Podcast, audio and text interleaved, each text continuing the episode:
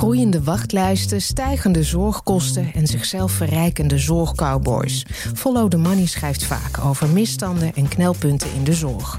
Het zorgstelsel moet op de schop, zegt de Raad voor Volksgezondheid en Samenleving, de RVS, die gevraagd en ongevraagd advies geeft aan de regering en het parlement. Het integrale zorgakkoord, gesloten door het huidige, inmiddels demissionaire kabinet, lost de fundamentele problemen in het zorgstelsel niet op, vindt de Raad. Met de verkiezingen in zicht ga ik praten over de betaalbaarheid en kwaliteit van onze zorg met de voorzitter van de Raad voor Volksgezondheid en Samenleving, Jet Bussemaker. Ze is ook hoogleraar beleid, wetenschap en maatschappelijke impact aan de Universiteit in Leiden. Maar we kennen haar natuurlijk ook als PvdA-politicus. In het laatste kabinet Balkenende was ze staatssecretaris voor Volksgezondheid, Welzijn en Sport. En in kabinet Rutte 2 was ze onderwijsminister. Jet Bussemaker, welkom. Ja, dankjewel. U pleit voor fundamentele veranderingen in het zorgstelsel. Welke dat zijn, daar gaan we zo uh, op in. Ja. Maar eerst, waarom is dat nodig, zo'n stelselwijziging? Omdat um, de doelstellingen uit het stelsel um, niet meer goed in balans uh, zijn. He, uh, u zei het net al zelf, het gaat over houdbaarheid, het financiële houdbaarheid, het gaat ook over kwaliteit en het gaat over toegankelijkheid. En dat zijn eigenlijk de drie waarden die altijd centraal hebben gestaan uh, bij, het, bij het stelsel. En wij zeggen, de afgelopen tijd is heel veel aandacht gegaan naar die financiële houdbaarheid belangrijk, stel ik uh, verder niet ter discussie. Maar er is veel te weinig aandacht geweest voor de toegankelijkheid. Nou, en als je dan kijkt dat nu al zo'n 9 tot 10 procent van de mensen zorgmeider is, dat ze dus niet naar de huisarts gaan, ook al krijgen ze dat wel vergoed. Uh, of dat ze niet met hun kind naar de tandarts uh, durven, omdat ze hele hoge kosten hebben. Het zijn vooral de mensen die chronisch ziek zijn. Ja, dan bedreigt dat de toegankelijkheid en daarmee ook de solidariteit. Dit advies eh, van de RVS, um, met de stroom mee heet het, staat ja. haaks op het integraal zorgakkoord van uh, demissionair minister Kuipers. U kijkt een beetje moeilijk, staat niet haaks. Nee, haaks dat vind ik wel vind ik te sterk geformuleerd. Nou, het is in ieder geval, het, het pleit in ieder geval voor een, een stelselverandering. Ja. En dat is, dat is iets ja. waar het kabinet uh, van zegt: nee, niet nodig. Um, toch zei hij uw aanbevelingen vooral als een steun in de rug te zien. Ja, daarom, ja, het is allebei waar. Wat dacht um, u toen u dat hoorde? Want... Nou, fijn dat u dat als een steun in de rug uh, ziet. Kijk, ons advies, laat ik daar ook eerlijk over zijn, uh, dat is uitgekomen voordat het kabinet viel. Maar het was al wel gericht op het volgende kabinet. Ja. Omdat wij weten dat de soort wijzigingen die wij voorstellen, ja, dat je die niet zomaar tijdens een kabinetsperiode doet. Dat is echt iets voor een regeren. Nou, bovendien stond in het coalitieakkoord dat het er. Het stelsel staat niet ter discussie. Precies. Ja, en dat, dat vind ik wel, daarom heb ik wel zelf ook vrij luid geroepen. Wij vinden wel dat het stelsel ter discussie moet staan. Want ik vond het een dogma worden. Uh, alsof je helemaal niet meer over de fouten in het stelsel zou mogen praten. Terwijl wij zeggen die toegankelijkheid. Mensen met meervoudige problemen, mensen met psychiatrische problemen, de wachtlijsten in de GGZ. Dat komt niet alleen uh, door kleine foutjes. Daar zitten echt systeemfouten in het stelsel. Dus daar moet je over durven praten. Maar ik vind het ISA in die zin wel een stap in de goede richting. Omdat men uh, van concurrentie naar veel meer samenwerking wil. Alleen het probleem van het ISA is dat dat eigenlijk uitgaat van um, ja, goed bedoelde uh, organisaties en professionals. Als die nou maar allemaal willen, dan komt het wel goed. En wij zeggen ook daar, er is meer nodig. Maar wel voor een deel in de richting van het ISA, namelijk meer samenwerking um, met elkaar, minder concurrentie en uh, meer aandacht voor professionals. Ja, we gaan daar zo wat dieper op ja. in. U zei al, um, dit advies is wel bewust geschreven voor een volgend kabinet. Nou, de presentatie was in juni. Ja. Toen leken de verkiezingen nog twee jaar weg. Ja. Bent u blij dat het nu wat sneller gaat? Ja, ja, ja en nee. Um, uh, omdat ik denk dat. Um, um, uh, nou, laat ik zeggen. Kijk, uh, wij waren in ieder geval op tijd. Voor volgende verkiezingen. Dus dat vind ik belangrijk als uh, voorzitter van de RVS. Ik was even bang toen het kabinet viel dat alles stil zou komen te liggen. Dat had ik zeer onwenselijk uh, gevonden. En tegelijkertijd biedt een uh, nieuw kabinet ook wel weer sneller de mogelijkheid om wat grotere knopen door te hakken. Hè? En dus de stroom mee aan alle goede initiatieven te geven die er in het land zijn. Dan alleen te zeggen: doet u best. We willen graag dat u met elkaar samenwerkt. En verder trekken wij onze handen eraf. En, ja. ja, en verder gaan wij er niet ja. over. Um, voordat we een paar opvallende aanbevelingen gaan bespreken, een persoonlijke vraag. Want u was mantelzorger voor uw beide ouders. Ja. Op welke manier heeft dat uw kijk op de zorg beïnvloed? Nou, dat heeft wel mijn kijk op de, dat, dat het stelsel zo ontzettend complex is dat het voor gewone burgers niet meer te begrijpen is. En dat is in zichzelf echt een groot probleem. Mensen kunnen ook de weg niet meer vinden. Ze weten niet waar ze moeten zijn. En nu ben ik een, uh, een hoogopgeleide burger. Ik uh, ben zelf verantwoordelijk uh, geweest voor de zorg. Ehm, het is, maar zelfs u vond het moeilijk om de weg het, te vinden. Ja, ik zag hoe moeilijk het was. Mijn vader die had een deels een verlamming. En die had een ingewikkelde rolstoel nodig. En die had ook nog apparaten nodig, omdat zijn hals en zijn nek strak overeind gehouden moesten worden. En hoe je dan de goede rolstoel uh, krijgt en wie je daarvoor nodig uh, hebt. En dat gaat via de huisarts en dan de wijkverpleging. Maar er is ook een inkooporgaan uh, waar je moet zijn. En elke keer krijg je dan toch net iets wat niet goed is. En dan helpt het, zeg ik ook maar eerlijk, als je uiteindelijk kan zeggen: Nou ja, misschien kunnen we zelf meer betalen. Maar je wilt dat dit voor iedereen iedereen.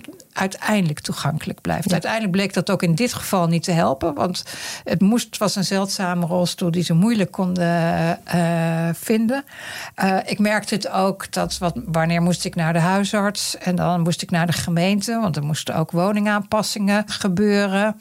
Ik moest ook zoeken naar manieren om te zorgen dat er uh, voor hem, want hij was toen alleen, mijn moeder was toen net overleden, ook voldoende eten was wat hij zelf kon maken. En toen dacht ik, ja, waarom hebben we dat allemaal zo? We hebben weet ik veel hoeveel afhaalfirma's. maar voor mensen die moeilijk dat zelf uh, kunnen aannemen aan de deur, hebben we eigenlijk maar weer heel weinig geregeld. Waren, waren dat allemaal nieuwe inzichten?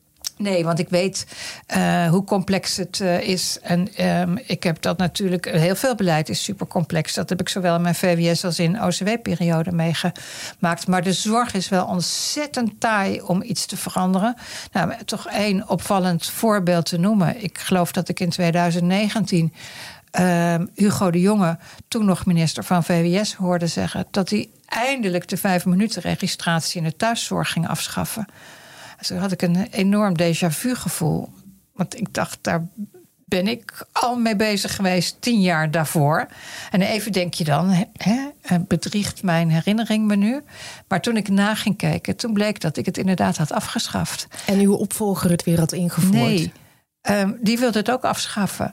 Maar het was wel afgeschaft op papier. Maar er moest nog zoveel gebeuren door systeempartijen, door cliëntenorganisaties die ermee in moesten stemmen. Door um, de NZA die ermee moest rekenen, de Nationale Zorgautoriteit. De toezichthouder, de ja. toezichthouder, de zorgverzekeraars. Dat al die partijen, die kwamen er niet uit. En dan waren er weer andere dingen die belangrijk uh, waren.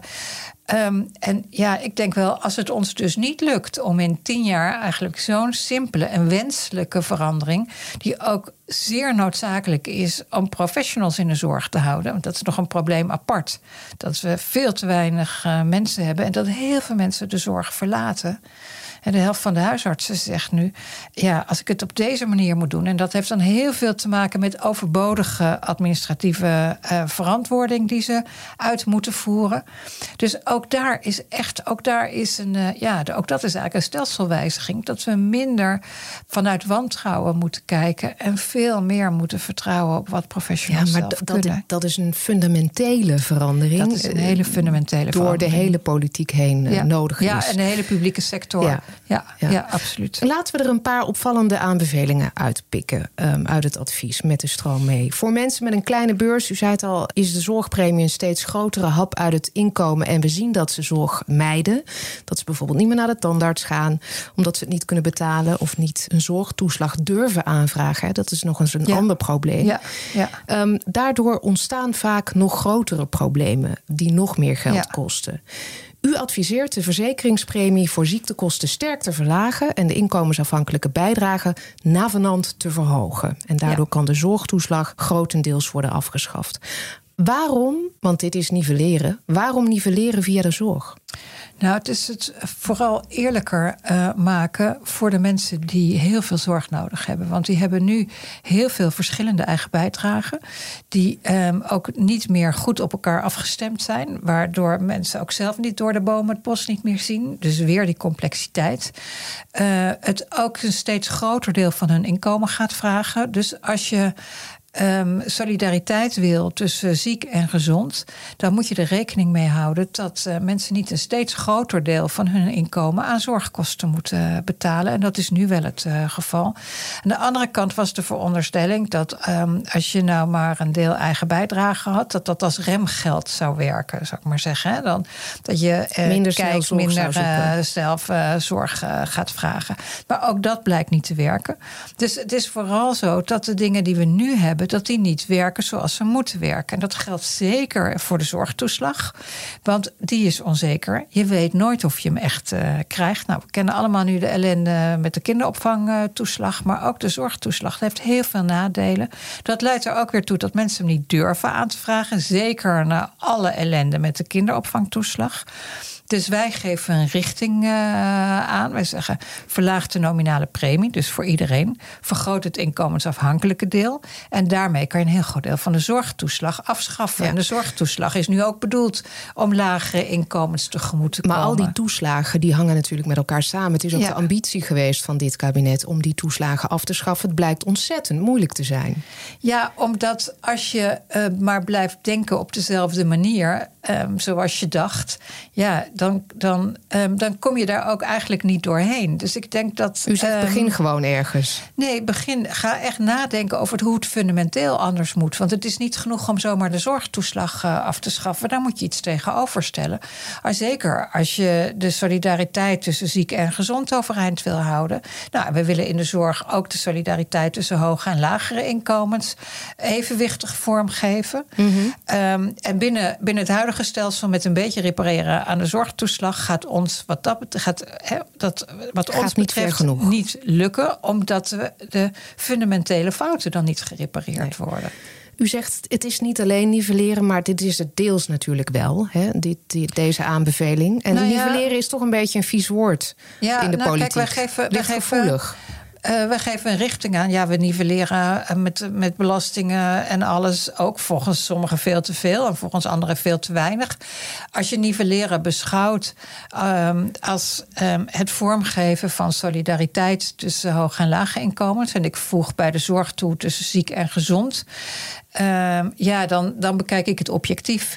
Kijk, waar je uiteindelijk ook bij onze voorstellen Um, waar je dan precies de grenzen legt. En uh, hoe hoog die nominale premie wordt. En hoeveel dat hoger. Dat is een dat politieke is echt keuze. een politieke ja. uh, keus. Dus in die zin, als je nivelleren politiek wil maken. dan leggen we de bal ook weer terug bij de politiek. Want daar gaan wij dan als raad niet over. Wij geven de richting aan. Ja, maar die richting is natuurlijk ook al politiek. Dat is tenminste ook het verwijt of de kritiek van twee hoogleraren gezondheidseconomie. Um, ze schreven een stuk in, in de krant toen het rapport verscheen. Marcel Canois en Xander Koolman. En die verwijten de RVS politiek te bedrijven. Ik citeer even: Dit rapport is nauwelijks te lezen als een onafhankelijk op wetenschappelijke evidentie gebaseerd rapport, maar eerder als een politiek statement over solidariteit.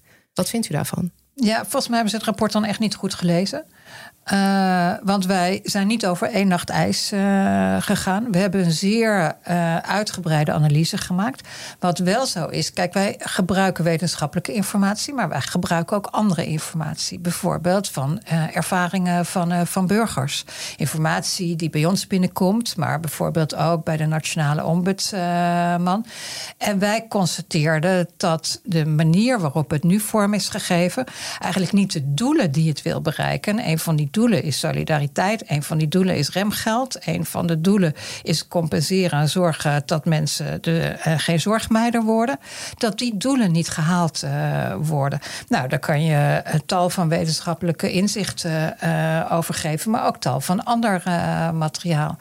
Dus, um, U weerspreekt dat dit niet op wetenschap gebaseerd zeer, is. Ja. Zeer. En ik weet en dat ook. het politiek is? Nee, het is absoluut niet. Kijk, het is niet een beetje een PvdA-advies? Nee, kijk, laat ik dat misverstand toch wegnemen. Ik ben, ik ben geen geheim over waar ik politiek sta. En ik ben inderdaad minister en staatssecretaris geweest voor uh, de PvdA.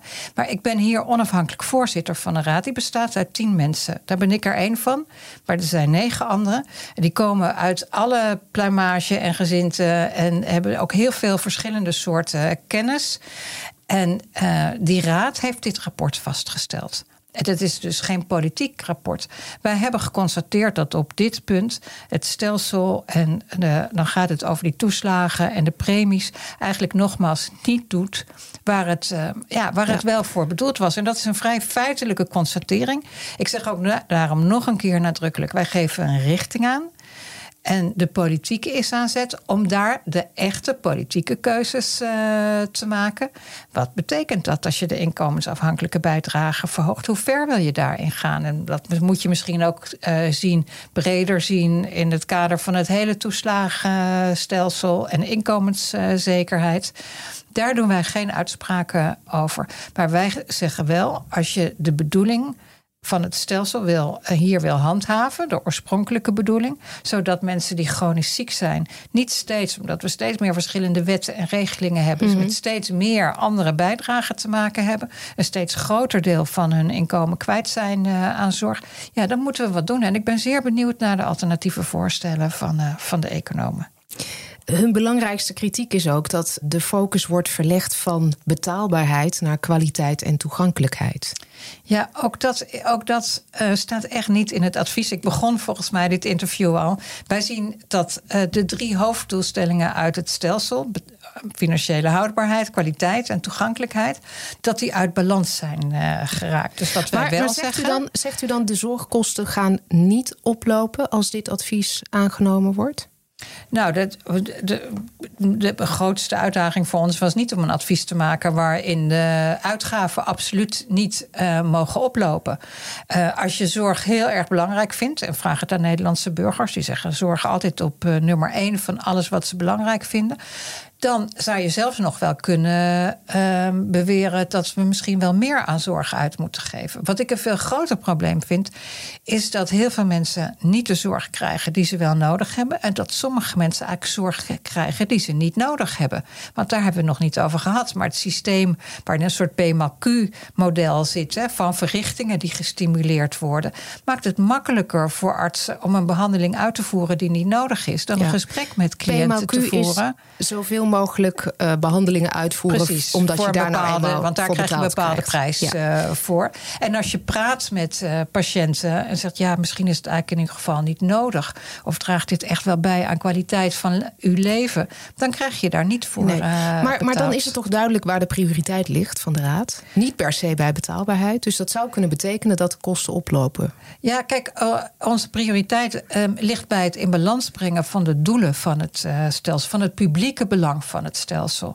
En daar hoort financiële degelijkheid en financiële houdbaarheid bij. Want kijk, ik ben zelf minister van Onderwijs geweest en ik heb vijf jaar naast de minister van VWS gezeten. En ik weet wat het betekent als de middelen steeds maar automatisch naar zorg gaan en dan bijvoorbeeld niet naar onderwijs. Maar dat, ook dat is uiteindelijk is dat een politieke keuze. En wij zeggen wel, die keuze moet veel meer ook bewust gemaakt worden. Want wat we nu bijvoorbeeld zien, is dat behandelingen en medicijnen die één keer goedgekeurd zijn, automatisch in het pakket gaan en er ook eigenlijk nooit meer uitgehaald worden. Dus daar zeggen wij, ja, daar moet je kritischer zijn. En misschien kan er dus ook wel heel veel lucht uit. Als we nou eens beginnen met mensen die ziek worden door maatschappelijke omstandigheden. Bijvoorbeeld omdat ze schulden hebben. Bijvoorbeeld omdat ze in een beschimmeld uh, huis uh, wonen. Bijvoorbeeld omdat ze naast een bedrijf wonen dat uh, gevaarlijke stoffen uitstoot. Als we eens beginnen om die problemen bij de bron aan te pakken dan doen we wat aan gezondheid. En dat draagt bij tot betere kwaliteit, toegankelijkheid en ook tot financiële houdbaarheid van het stelsel. Is een stelselwijziging is die wel nodig? Je kan ook zeggen, wachtlijsten in de GGZ die zijn ook nu al op te lossen. Verzekeraars hebben al een zorgplicht. Ze worden er alleen niet aan gehouden door de toezichthouder, door de NZA. Als de toezichthouder zijn werk zou doen, zou het probleem dan niet opgelost zijn? Ik zeg heel eerlijk, kijk, ehm, ehm, wij stellen die stelselwijzigingen voor als groot onderhoud. Kijk nou eens even of dat stelsel nog doet wat het ooit bedoelde te doen. Het stelsel heeft ook goede dingen, zeg ik ook maar uh, gelijk, met zich meegebracht. Bijvoorbeeld het onderscheid tussen uh, privéverzekerder en ziekenfondsverzekerder heeft het opgeheven. Maar na verloop van tijd, ja, zoals je een auto ook weer een keer een APK-keuring geeft, zou dat hier ook niet slecht zijn. En um, dan kan er heel veel nu in de praktijk gebeuren. Ik zie ook de goede initiatieven.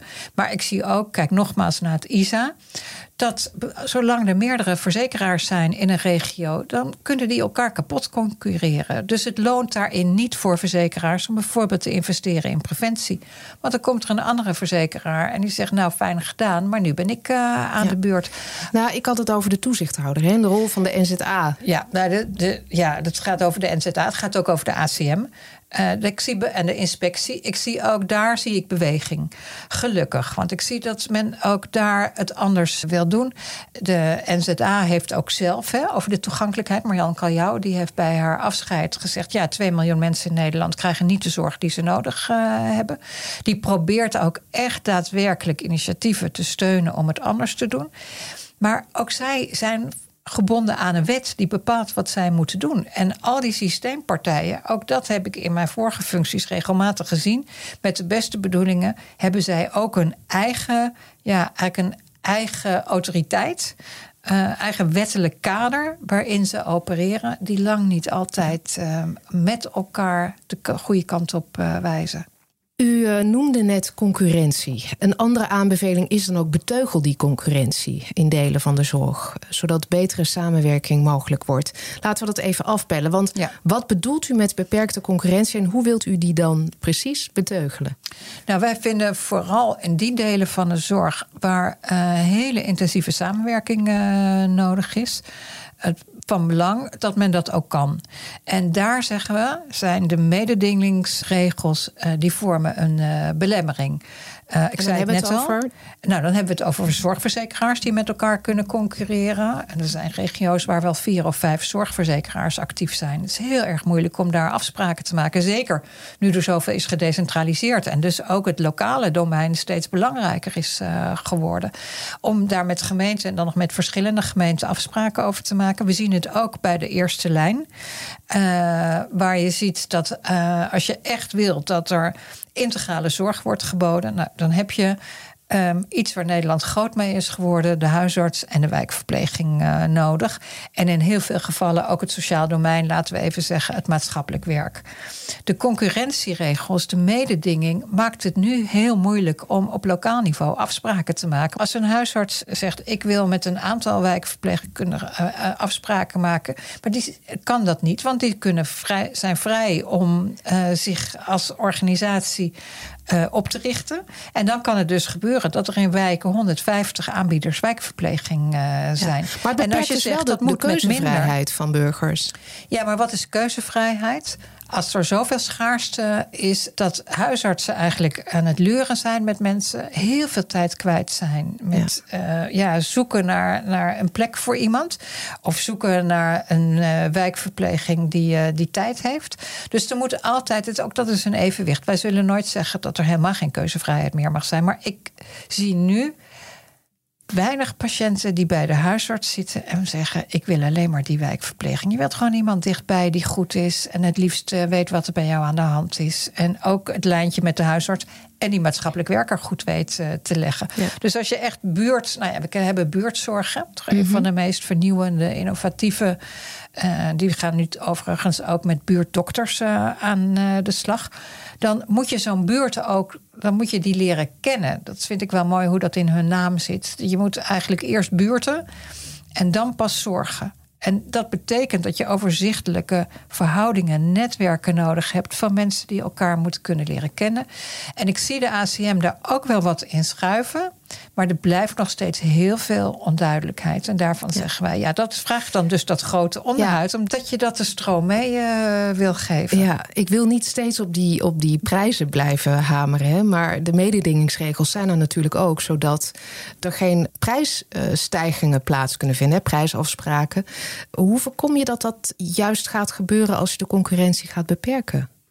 Nou, kijk, je moet natuurlijk altijd vast blijven houden dat er niet hele grote kartels uh, kunnen uh, ontstaan. Dus heel veel van wat de ACM doet. Wij willen ook niet de ACM afschaffen. Uh, we willen ook niet de concurrentie in de zorg afschaffen. Maar we zeggen op een aantal terreinen werkt het niet, omdat het stimuleert om eigenlijk het instellingsbelang boven het gedeelte belang te zetten. Nou, dat zie je heel erg in de acute zorg.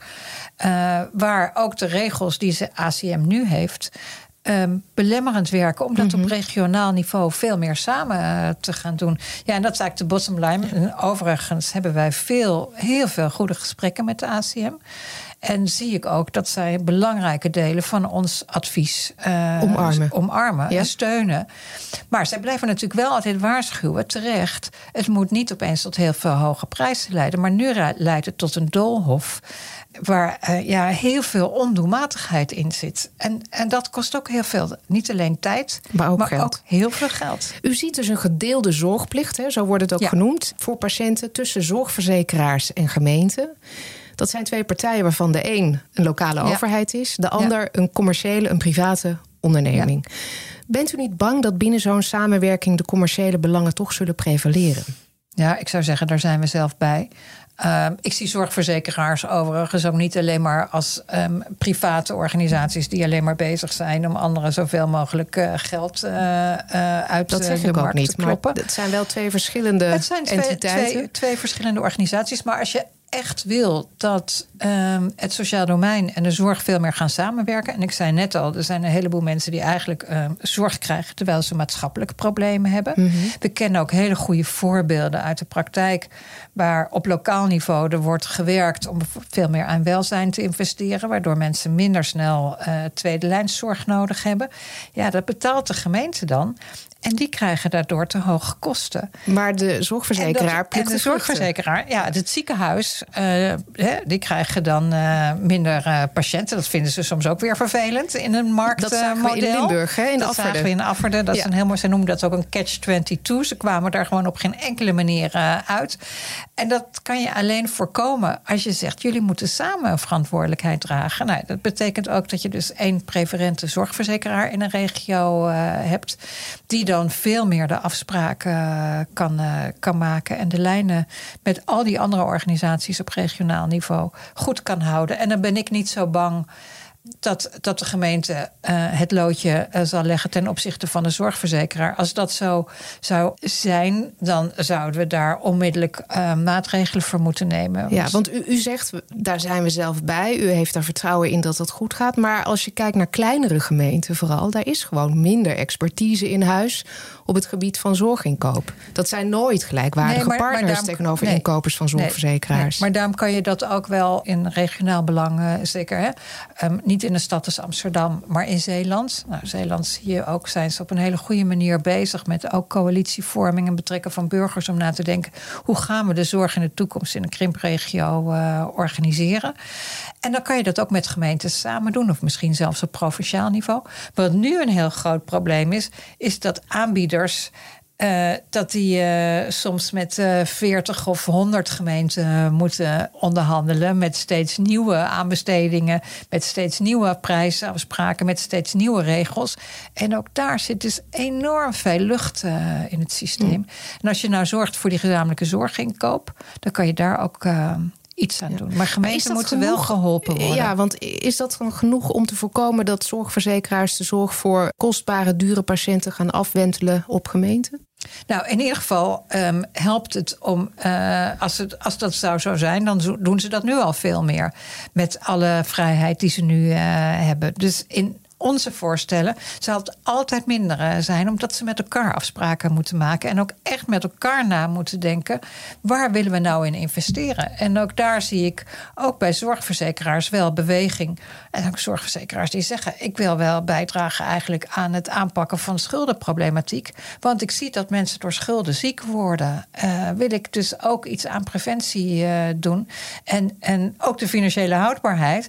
Nou, dan moeten we misschien daar aan het begin uh, beginnen. Ja, en die samenwerking met gemeenten, die is alleen mogelijk als deze wijziging wordt Als deze wijziging komt. Kijk, en wij zeggen in de epiloog van ons advies: uiteindelijk is transitie, transformatie, is mensenwerk. Er zijn geen ideale stelsels. Dus we moeten ook vooral. Ik, ik zou nooit willen zeggen dat als er nou maar gebeurt wat wij allemaal voorstellen. Dit is niet dat de heilige de, graal. De heilige graal is. En dat alle problemen dan zijn opgelost. Ook daarvoor loop ik te lang mee in de uitvoering eh, van uh, beleid. Om te weten dat er altijd onbedoelde gevolgen zijn. Dat er altijd mensen zijn die uh, denken: oh, hier kan ik een slaatje uitslaan. Dat, nou, u noemde in het begin de zorgcowboys. er zullen altijd partijen zijn die, um, die niet uh, de beste uh, intenties uh, hebben. En soms is het gewoon ook moeilijk en zullen we fouten maken. Um, dus zeggen wij, moeten daar ook juist van elkaar, met elkaar van leren. Laten we, laten we kijken hoe we dit vorm kunnen geven. Laten we meer ruimte creëren om het ook anders te doen. En van daaruit kijken hoe we daar een lerend, eigenlijk een lerende beweging uh, van, uh, van maken. En dat vraagt vooral het creëren van heel veel meer ruimte. Ik zei net al, meer ruimte om te kijken of medicijnen eigenlijk wel doen wat ze moeten doen. Maar wij pleiten ook voor uh, verandering in de beroepsstructuur, in de, de wetgeving daaromtrent. In de zorg heb je de wet BIG. Nou, die gaat over de vraag of mensen bevoegd zijn om iets te doen. Uh, maar dat is een heel star systeem. En daar bestaat heel weinig ruimte voor mensen die op een andere manier kennis opdoen. Denk bijvoorbeeld aan mantelzorgers die ook ervaring uh, uh, opdoen. En misschien een deel daarvan ook later zouden willen waarderen. Ja, en in dat lijstje van veel meer ruimte creëren, stop ook met die gekmakende protocolisering en kwaliteitskaders en afvinken van lijstjes waar niks meer uh, gebeurt. Ook daar zit heel, heel veel ruimte. Heeft u genoeg aandacht besteed in uw advies aan de rol van de zorgverzekeraars? Ja, dat is niet aan mij om dat te zeggen. Uh, wij, vinden, we hebben eigenlijk aan alle partijen aandacht besteed. Omdat we zien dat het een, een samenhang is tussen wat zorgverzekeraars doen, wat systeempartijen doen, wat aanbieders doen, wat patiëntenorganisaties doen. Uiteindelijk wat de politiek en wat de ministerie uh, doet. Ja, daar zijn zorgverzekeraars een belangrijke speler uh, in. Nou, u zegt dat is aan een ander om dat te bepalen of er genoeg aandacht aan is besteed. Het viel mij op dat er wat weinig aandacht voor is, voor de rol van de verzekeraars, terwijl het zulke belangrijke spelers zijn. Hè? Als het stelsel piept en kraakt, waar iedereen het over eens is, welke rol spelen zij daar dan in? Nou, zij spelen daar een hele cruciale rol uh, in. Uh, maar zij zijn, hun mogelijkheden zijn ook begrensd. Want zij worden ook, hè, als we het hebben over mededingingsregels, dan hebben zij daar ook uh, mee te maken. Dus hun rol is groot. Maar hun, de rol van aanbieders is zeker ook heel erg belangrijk. Dus ja, dit is wel iets. En, en professionals en beroepsgroepen. Wij zien het wel echt als een samenhang van partijen die hier ook iets moeten doen.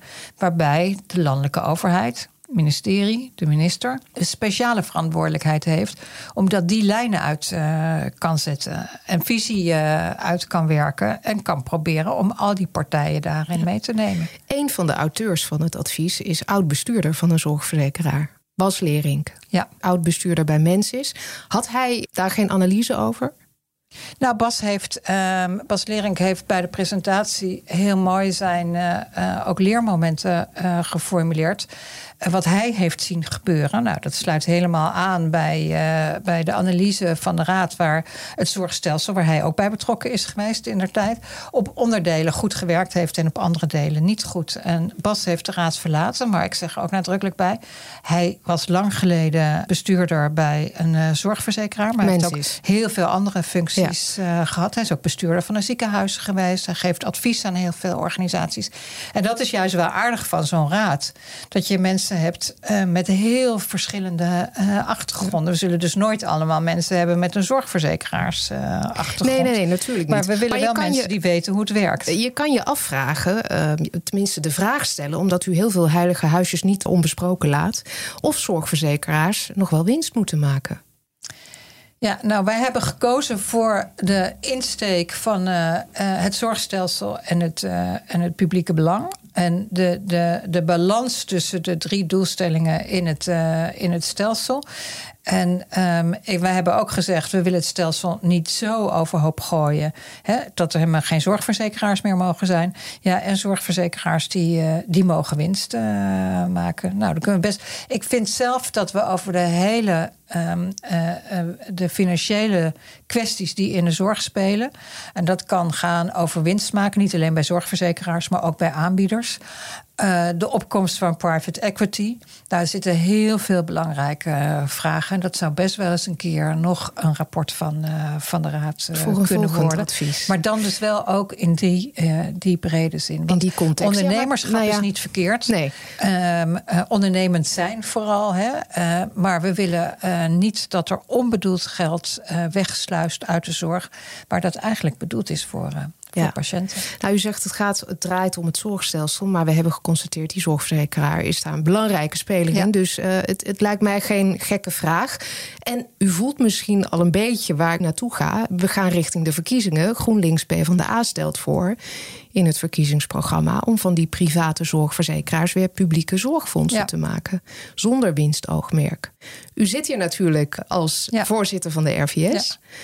Maar wat vindt u van dat voorstel? Ja, dat laat ik echt nadrukkelijk bij het PvdA en, uh, en GroenLinks. Uh, dat, dat, is, uh, dat is nog een hele stap verder. Waarbij ik bang ben als je dit soort hele grote veranderingen nu gaat uh, bewerkstelligen. Dat je dan alles van de grond af aan weer opnieuw moet opbouwen. En dan is iedereen alleen maar bezig met uh, de organisatie daarvan. Dus wij zeggen, het stelsel moet aangepast worden, groot onderhoud. Um, maar uh, laten we ook niet meer overhoop halen dan noodzakelijk is. Want anders komen we er nooit. U vindt dat nu dus geen goed plan? Wij vinden het nu, nee, het staat niet in ons advies. Nee, nee. Nee, dus dat is echt dat is een, een, een, een verkiezingsonderdeel van het uh, programma van PvdA en GroenLinks. En ik lees alle verkiezingsprogramma's gaarne op, op dit terrein. Ik kijk ook, ik zie ook dat er overal best wel wat elementen van ons advies worden overgenomen. Ja, en dan wat daar vervolgens weer mee gebeurt, dat is dan weer politiek. En daar zit ik hier niet voor als voorzitter van de RVS. Het rapport is zo'n vier maanden geleden verschenen. Uh, wat voor reacties heeft u gekregen uit het veld? Nou, ik vond het eigenlijk uh, verrassend positief en uh, instemmend. Van, uh, herkenbaar ook, zeiden heel veel mensen.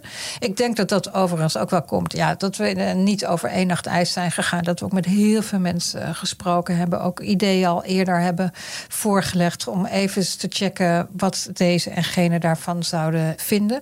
We zien ook wel dat ja, er zijn altijd onderdelen waar mensen dan minder tevreden mee zijn. zorgverzekeraars vinden geloof ik op onderdelen. Dat ze, die zijn bang dat ze bij die uh, voorstellen over de premie misschien meer zouden moeten gaan betalen. Nou, daarvan zeggen wij, ja, dat hangt er maar helemaal af hoe je dit verder uh, vormgeeft. Dus soms is het ook een eerste reactie die wat uit angst is uh, geboren. Mm -hmm. Er zijn gezondheidseconomen. Nou, waar ik graag nog verder het gesprek mee ja. aanga, die volgens mij onderdelen niet goed gelezen hebben. Daar maar, hebben we het al over gehad. Maar misschien toch ook wel op andere onderdelen. Dus ook, je mag van mening verschillen. Dat is ook helemaal niet erg. Er zijn ontzettend veel vragen komen bij ons binnen om overal het gesprek hierover te voeren. Lezingen te houden. Uh, verder uit te leggen wat we ermee willen. En dat vind ik een heel goed teken. Want dat betekent in ieder geval dat we dialoog hebben over de toekomst van de, van de zorg. En dat er behoefte aan is. En dat er behoefte aan is. De personeelstekorten in de zorg zijn hoog. Het ziekteverzuim is hoog. Gaan deze aanbevelingen, en u zei het is niet de heilige graal, maar gaan deze aanbevelingen er ook voor zorgen dat zorgmedewerkers weer een beetje lucht krijgen en wat meer plezier in hun werk? Uh, deels wel. Ik denk dat als je veel meer kan sturen op samenwerking, dat is wat zorgprofessionals willen.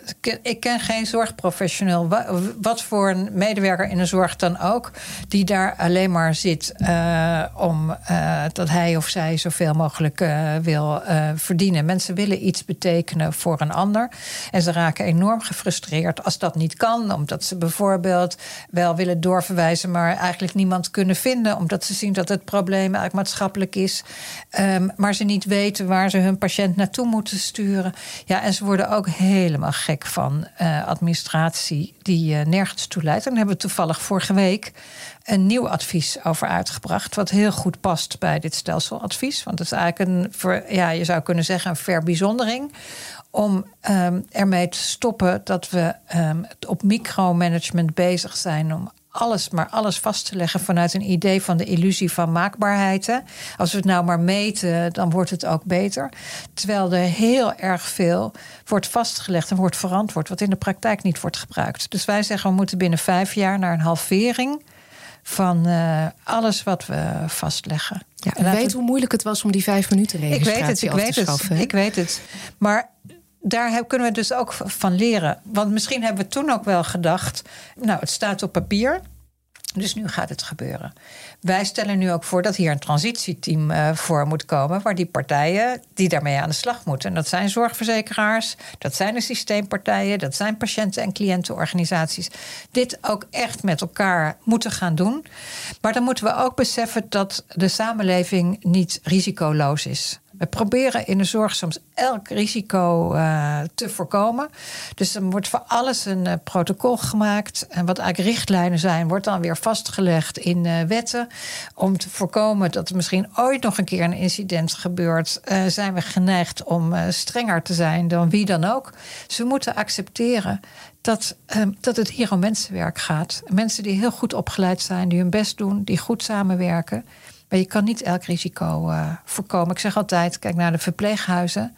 En valpreventie is altijd een belangrijk thema. Als je echt wil voorkomen dat mensen nooit meer vallen, dan moet je ze gewoon vastbinden op een stoel of in een bed. En dat is niet wat we willen. Als je wilt dat mensen kwaliteit van leven houden, en daarom is die kwaliteit van leven en kwaliteit van werken zo cruciaal dan, uh, dan moet er iets gebeuren. En als we niks doen, ja, dan, uh, dan, dan zal de wal het schip uh, keren. Dus de urgentie is wel heel veel groter om hier iets aan te doen dan pakweg tien jaar geleden. De urgentie is groter. Is de politieke wil er ook? Want in de epiloog van het advies schrijft u, of schrijft de Raad, het stelsel mag dan nu tegenwerken. Het wordt ook wel eens misbruikt om zelf niet te hoeven veranderen. Ja. Dus waarom denkt u dat een volgend kabinet het wel aandurft? Nou, laat ik vooropstellen dat het argument dat het wel, wel eens wordt misbruikt, niet alleen door politici gebruikt wordt. Dat zien we ook in de praktijk, dat bijvoorbeeld aanbieders zeggen: Ja, ik wil wel samenwerken, maar ik mag niet van eh, de NZA of de ACM of de minister of wie dan of de inspectie. Terwijl er vaak wel heel veel meer uh, kan. Dus daarom oh, is de titel ook met de stroom mee. We zien dat er al heel veel goede initiatieven eh, zijn en die willen we de stroom meegeven. En nou, kijk, de politiek is natuurlijk op het moment enorm gefragmenteerd. En dat maakt het moeilijk om tot grote wijzigingen te komen. Dat is niet alleen in de zorg zo, maar dat is eigenlijk voor elk thema. Ik zie in de zorg wel, en dat vind ik heel pijnlijk, dat er vaak ook maar bij één incident dat er geroepen wordt: uh, ja, dit mag nooit meer gebeuren. Of dat het ook gelijk partijpolitiek wordt uh, uitgevochten. Mijn pleidooi is wel: de toekomst van de zorg is zo belangrijk dat we daar ook met elkaar, ook daar het publieke belang. Wij zeggen heel nadrukkelijk: nu is het instellingsbelang is staat vaak boven het publieke belang. Laat ook de politiek, laat de maatschappij de dialoog zo voeren dat we weer naar dat gezamenlijke publieke belang uh, kijken. En ik hoop dat de politiek daar dan door gestimuleerd wordt door de partijen in het veld, die dat ook de politieke partijen meegeven. De wijzigingen die de RVS voorstelt, die hebben ook een lange periode, een, een lange termijn beleid is dit. Hè? Ja. Uh, lange termijn visie en lange termijn beleid. Dat is natuurlijk ook extra moeilijk geworden in dit gefragmenteerde politieke landschap. Maar ja, daar, daar zijn onafhankelijke adviesraden voor. Wij zijn een strategische adviesraad. En we adviseren niet voor morgen en overmorgen, maar juist op midden- en lange termijn. En daarmee uh, probeer je ook uh, iedereen, de politiek in het bijzonder, want wij zijn in de eerste plaats een adviesorgaan voor regering en parlement, maar daarmee ook alle andere partijen in de zorg, probeer je ook wel een beetje een spiegel voor uh, te houden. Niks doen is geen optie op dit uh, moment. Als je nu al ziet dat 10% van de mensen zorgmeider is, 2 miljoen mensen de zorg niet krijgen die uh, nodig is. De helft van de huisartsen zegt dat ze op deze manier misschien volgend jaar wel willen stoppen met werken. Dan moet er echt iets gebeuren. Ja, u, u, noemde net al uw ervaringen als staatssecretaris uh, wat betreft die stroperigheid om dingen in de praktijk te veranderen. Um, ik wil u toch ook even vragen naar uw ervaringen als onderwijsminister. Want u voerde in 2015 het leenstelsel in. Dat is nu weer volop in het nieuws ja. uh, vanwege de uh, flinke rentestijgingen voor studenten op die studieschuld. U heeft toen gezegd: studenten, heb vooral geen leenangst. Hoe kijkt u daar nu op terug? Want toen pleit u dus ook uh, en heeft u doorgevoerd een stelselwijziging. Nu pleit u weer voor, en weliswaar niet vanuit een politieke rol, ja. maar als onafhankelijk adviseur. Je weet van tevoren toch nooit nee, helemaal hoe nee, zo'n. Nee, dus ik zal daar een algemeen antwoord op geven. Want voor de specifieke vragen over het leenstelsel, daar is echt nu een andere minister voor, minister Dijkgraaf, die ook wijzigingen heeft ingevoerd, die nu ook verantwoordelijk is voor wat er gebeurt met, uh, met de rente. Dus daar, daar wil ik nu niet in treden. Maar Kijk, elke wijziging heeft altijd uh, beperkingen. En daarom zeg ik ook, uh, er is geen ideaal stelsel. Dus dat zal hier ook zijn. Dus we moeten dat met elkaar, we moeten daar ook vooral van, uh, van leren. Um, en ik denk dat voor de wijzigingen in de zorg, ja, dat daar toch wel echt hele goede redenen voor zijn. En ook een redelijk breed draagvlak is om dat te doen. En als je ziet dat het dan ergens niet goed gaat, dan moet je bijsturen. Dus je moet een langetermijn uh, missie hebben. En die gaat, wat mij betreft, over toegankelijkheid in de zorg en kwaliteit van leven. En bij uh, onderwijs gaat het over kansengelijkheid. Dat is, wat mij betreft, overigens ook veel breder dan uh, studenten. Dat gaat over HBO- en WO-studenten. Gaat ook over MBO-studenten. Gaat over de basisschool. En ja, daar zal je bij moeten sturen. En dat bijsturen is in deze tijd inderdaad heel erg ingewikkeld. Omdat het, um, het politieke um, veld ook zo ontzettend gefragmenteerd uh, is. Dus makkelijk is dat niet, maar nodig is het wel. En u zegt we moeten fouten accepteren. Nee, je moet fouten niet. Ja, niet dat, dat klinkt uh, uh, zo van, nou ja, fouten horen erbij. En die moet je tot in lang, lengte van dagen accepteren. Maar beleid gaat altijd gepaard met, uh, uh, met, met dingen die goed gaan, dingen die minder goed gaan, onbedoelde gevolgen. Dat zal zo blijven. Dat zal ook bij de voorstellen die wij nu over de zorg zijn, zal dat uh, gebeuren. En daarom blijft het mensenwerk. En daarom is het zo belangrijk dat je daar ook. Niet alleen in Den Haag, maar juist ook bij professionals mensen de ruimte geeft om het anders te doen als het moet. Ja. Heeft u er spijt van, van de invoering van het leenstelsel? Nee, ik ga er verder geen uitspraken over doen. Ik zit hier als voorzitter van de RVS en ik wil die rollen een beetje uit elkaar uh, uh, houden. U spreekt gepassioneerd over de zorg uh, en over de toekomst van de zorg. Zou u het weer uh, willen doen, terug de politiek in, om dit nee. te bewerkstelligen? Uh, nee, daar ben ik wel. Nou ja, daar heb ik al heel lang geleden heel duidelijk antwoord op gegeven. Ik, ik ben ook, dan had ik ook dit eigenlijk niet moeten doen. Want je, dan, dan, dan blijf je de hele tijd in het politieke veld uh, hangen. Ik heb twintig jaar heb ik het Binnenhof van binnen en van buiten meegemaakt. In verschillende rollen als Kamerlid. In de oppositie, in de coalitie, als staatssecretaris en als minister. En op een gegeven moment is het dan heel goed om daar afscheid van te nemen en iets anders uh, te gaan doen. En nu probeer ik ook nog steeds de samenleving te verbeteren. Dat doe ik ook als hoogleraar. Ben ik betrokken bij veel projecten over gezondheidsongelijkheid. Probeer ik als voorzitter van uh, de RVS. Um, en anderen die, die zijn nu aan zet om daar in Den Haag uiteindelijk in de Tweede, Eerste Kamer en in de departementen iets mee te doen. U gaat de verkiezingen wel met uh, vertrouwen tegemoet. U hoopt natuurlijk dat een volgend kabinet hier echt mee aan de slag gaat. Ja, ik ben altijd een optimist. Um, dus ik hoop dat er uh, na de grote versplintering misschien wat meer eenheid zichtbaar wordt na de verkiezingen. En dat ook wat echte keuzes voor de toekomst uh, over de zorg onder andere gemaakt worden. Die gericht zijn ook op wat langere termijn. En niet alleen op vandaag en morgen. Maar even de blik vooruit schetsen. Hartelijk dank voor dit gesprek. Jet Busmaker. Op 9 november 1983. 9 november, ja, het staat me nog bij. Wordt een van de machtigste en rijkste mannen van Nederland ontvoerd. Freddy Heineken en zijn chauffeur zijn vanavond ontvoerd. Rond 7 uur zijn ze in het centrum van Amsterdam door onbekende gemaskerde mannen in een bestelbusje gesleurd en meegenomen. De ontvoerders van Heineken en Doderer eisen 35 miljoen gulden aan losgeld. Wij willen het gevraagde bedrag betalen. En dat losgeld krijgen ze na een spectaculaire overdracht. Er is een auto onder het viaduct uitgekomen. Veel van dat geld is teruggevonden. In een met blad en takken afgedekte kuil werden vier grote plastic containers ontdekt... die waarschijnlijk al voor de ontvoering zijn begraven. Maar 8 miljoen blijft spoorloos verdwenen. En over die 8 miljoen, daarover gaat deze podcastserie. Waar bleef dat geld? Werd het verbrand, begraven, uitgegeven? Of is het inmiddels veel meer waard, dankzij slimme investeringen en schimmige witwasconstructies. Waar is het geld? Het geld dat heeft volgens mij eh, verbrand op het strand. Hè? Heeft u eh, panden in Amsterdam, bezittingen, eh, Nee hoor, absoluut niet. bordelen? Nee.